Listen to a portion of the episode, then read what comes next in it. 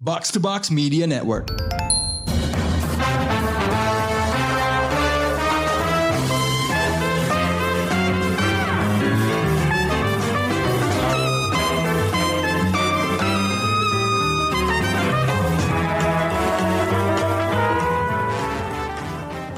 Annyeonghaseyo yarabun. Di sini ada Priska yang mau share solo review buat sebuah drakor yang lumayan viral semenjak tayang dari mulai 1 Januari kemarin di Prime Video. Judulnya Marry My Husband. Ingat nggak waktu episode akhir tahun Best of 2023 yang lalu, gue tuh dikomplain sama warga Showbox karena pilihan Best Drakor 2023 gue adalah The Glory dibandingin Moving. Alasan gue valid kok. Soalnya gue cinta banget sama Revenge Story tapi dari kacamata perempuan. Nah, hati dari Mary My Husband ini adalah cerita balas dendam. Ada Kang Ji Won yang membuka cerita dari kamar kemoterapi rumah sakit di tahun 2023 dimainin sama Park Min Young, Kang Ji Won ini udah diperlihatin jadi orang yang sedang mempertanyakan jalan hidupnya ke diri sendiri.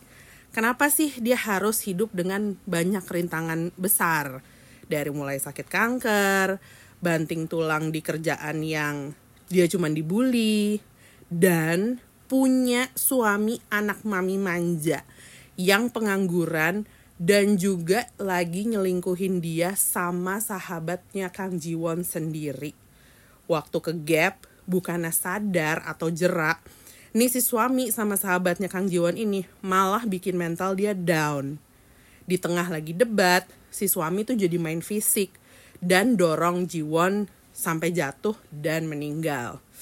Wah, setengah jam pertama episode 1 tuh udah seheboh itu guys. Nah, tapi karena nih drakor pakai jalur cerita time travel, si Kang Jiwon tiba-tiba bangun di 2013. 10 tahun sebelum semua yang ada dalam hidupnya itu berubah. Second chance ini datang dan di sinilah cerita balas dendam Jiwon dimulai.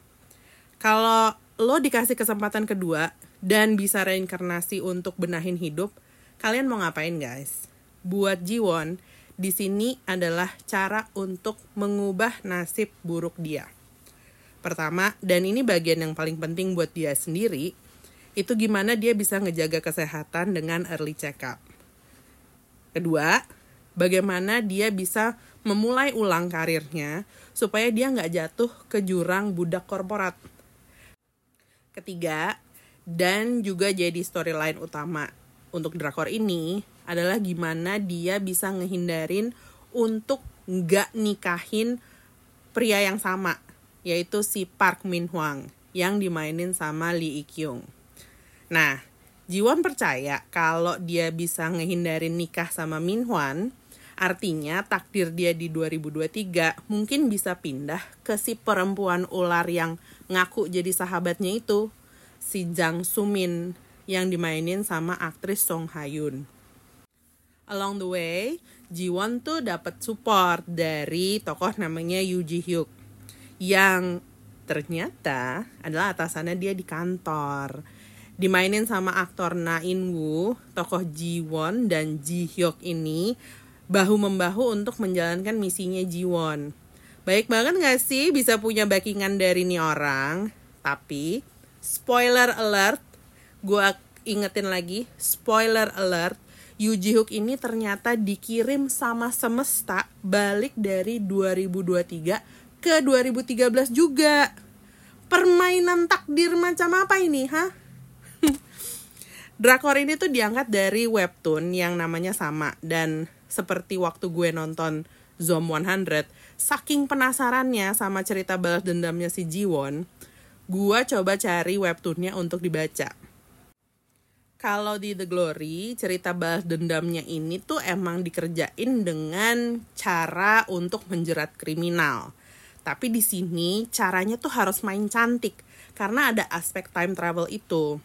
Ada informasi-informasi yang kejadian di 2023 atau di masa depan yang dijadiin pedoman balas dendamnya Jiwon. Makanya Jiwon tuh harus agak sedikit sneaky karena yang dia targetin tuh adalah supaya si pacar dan si sahabatnya ini jeblos ke nasib buruknya dia yang dia alamin di 2023. Pakailah azas cancel culture zaman sekarang. Orang-orang toxic kayak gini nih emang paling anti kalau disuruh ngaca. Bikin malu soalnya. Atau jadi bahan gosipan aja, ntar juga hilang sendiri gue lumayan kaget kalau drakor ini tuh lumayan ngebut untuk bikin momen-momen big reveal. Karena timeline di sini kan mundur ya ke 2013. Gue kira bakal revealnya tuh bakal entar-entar gitu. Tahu kan lo kalau nonton drakor, kita tuh sering dibuahi sama cerita awalnya dan big boss fightnya itu emang bakal di akhir-akhir setiap dua episode ternyata gue menang banyak nontonnya. Setiap Jiwon dibuat tunduk sama keadaan, di situ ada kejadian buat misi dia makin sukses. Banyak banget fans drakor dan netizen yang tepuk tangan untuk twist dalam storytelling ini. Jadi lumayan refreshing buat nonton dan makanya gue suka banget. Dari beberapa reveal yang kejadian dari episode 1 sampai 8 aja, kita tuh juga udah dikasih lihat tuh bibit-bibitnya si Sumin, si sahabatnya Jiwon ini, gimana dia bisa jadi selingkuhan tetapnya si Min Hwan. Dan gimana Jiwon bisa pelan-pelan ngejauhin diri dari toksiknya Sumin. Karena mata Jiwon juga udah kebuka betapa Sumin ini bisa jadi orang yang gak bisa berhenti jahat ke Jiwon. Jadi ya emang baik aja sih. Inilah kenapa story balas dendamnya sangat satisfying. Empat orang yang ada di tengah cerita ini menurut gue adalah alasan yang bikin drakor ini jadi menyenangkan untuk ditonton. Star powernya pasti ada di Park Min Young ya, karena kan memang dia dikenal sebagai Queen of Romcom di banyak serial drakor. Tapi permainan aktingnya Lee Ik Kyung yang jadi Min Hwan ini itu tuh juga keren banget. Dan dia juga udah nggak asing karena terkenal jadi aktor komedi. Salah satu title dia yang lumayan besar di 2022 lalu itu ada film 645, 645 yang kalau kalian mau rewind reviewnya bisa dengerin obrolannya Amy dan Krishna ya. Nah, terus ada dua orang di sini ya yang mungkin hmm, bisa dibilang mereka tuh bukan A-listers tapi karena aktingnya bagus banget bisa nandingin star powernya si Park Min Young dan Lee Kyung karena aktingnya emang bagus gue salut banget sama aktingnya Song Hayon yang main jadi sahabatnya Jiwon gila banget sih gue tuh bisa dibikin benci sama nih orang. Paham gak istilah wolf in sheep's clothing? Nah, ini nih perawakannya dia. Pick me girl, bermuka dua, pinter banget manipulasiin perasaan orang, dan pinter banget playing victim. Ingat gak ketua geng catok yang dimainin Lim Jion, si Park Yeon Jin di The Glory? Nih ya, tuh dua orang kalau ketemu mereka tuh bisa jadi bestie yang satu kasar, yang satu pelakor. Ikrip in Evil kalau gue jadiin spin-off. Last but not least ada aktor Na In Woo yang main jadi love interest utamanya tokohnya Park Min Young. Dia itu mengundang misteri, tapi dia juga support sistem terbesar di kehidupan Kang Ji Won. Lucunya ini si Na In Woo tuh terkenal di variety show scene dan terkenal jadi manusia yang emang ngasal banget. Tapi di sini tuh dia kelihatannya tuh keren banget, very cool, calm, calculated. Pokoknya lumayan dreamy sih dan emang ganteng. nah, empat orang ini tuh menurut gue chemistry-nya bagus banget. Karena yaitu dalam pendalaman karakternya mereka, mereka tuh best banget sampai gue tuh kadang-kadang juga lupa nih gue lagi nonton drakor. Ini bukan orang-orang yang gue kenal. Tapi kesannya gue tuh harus pedes julid di WA grup yang bareng temen-temen buat ngehujat si dua orang toksik itu si Sumin sama Minhwan dan gue harus kayak berdoa sepenuh hati buat kelancaran cintanya si Jiwon sama Jihyuk ya itulah kenapa gue selama 16 episode tuh emang hook banget gitu. Dan love story-nya emang si Jiwon dan Jihyuk tuh ngambil kurang lebih 40% dari ceritanya lah ya.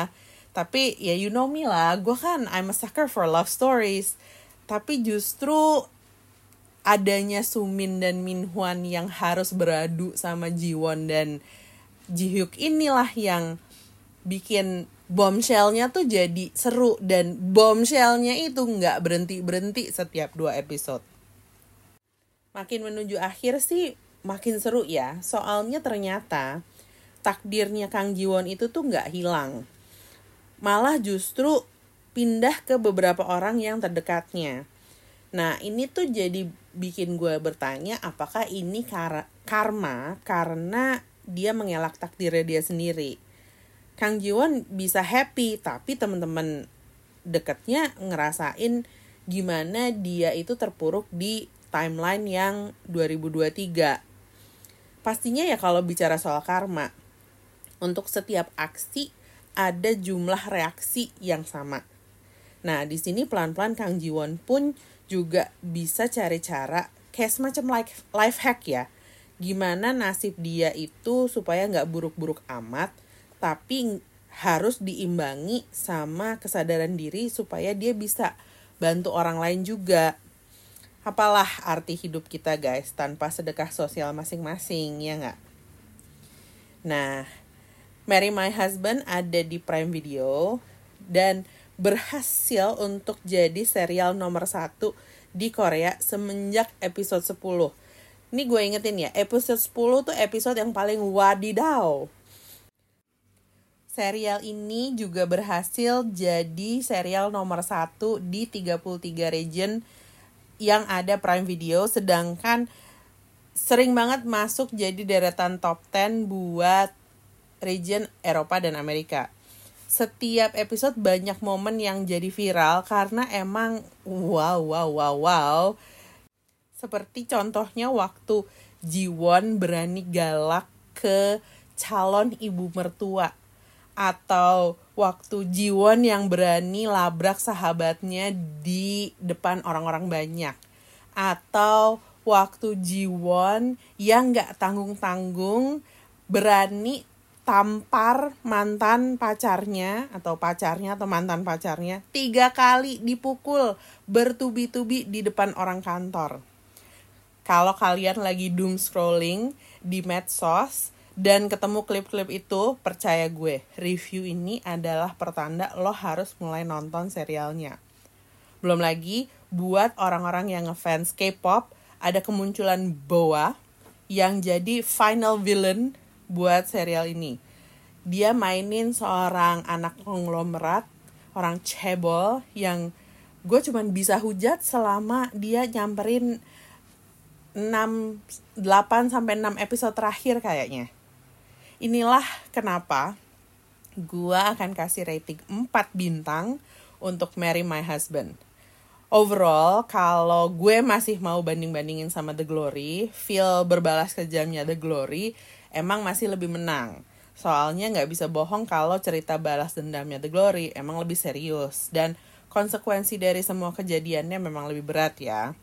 Kalau Marry My Husband ya memang bisa dibilang lebih ringan tapi justru menangnya mereka ini adalah di empat orang yang ada dalam cerita utamanya. Yang jadi breakout star buat gua gua kasih ke Song Hayun sampai episode terakhir si tokoh Sumin ini masih konsisten jadi orang yang udah nggak punya poros aja. Yang udah udah hilang akal hilang akal. Karena tetap kekeh jumekeh nggak sudi kalau Jiwon itu boleh happy. Karena sekarang udah tamat, jadi kalian bisa binge watching dengan seru sendiri. Serial ini tuh heboh, ngeselin, mengharukan, lucu, seru, bikin naik darah, memuaskan. Ada kucing oyen gemes, ada BTS buat para army, ada judo fighting, ada white truck of doom. Bahkan ada second lead love story yang cute banget. Terus ada narasi sikut-sikutan sama orang kantor yang nyebelin. Ada yaitu cancel culture tadi dibikin viral karena kasus yang terekam di video. Ada Kopiko bahkan. Serial yang paling nano-nano yang gue temuin semenjak Vincenzo. Tapi menyenangkan buat ditonton. Anyway, thank you ya udah dengerin review heboh gue kali ini. Sampai ketemu di episode lain untuk Showbox. Bye!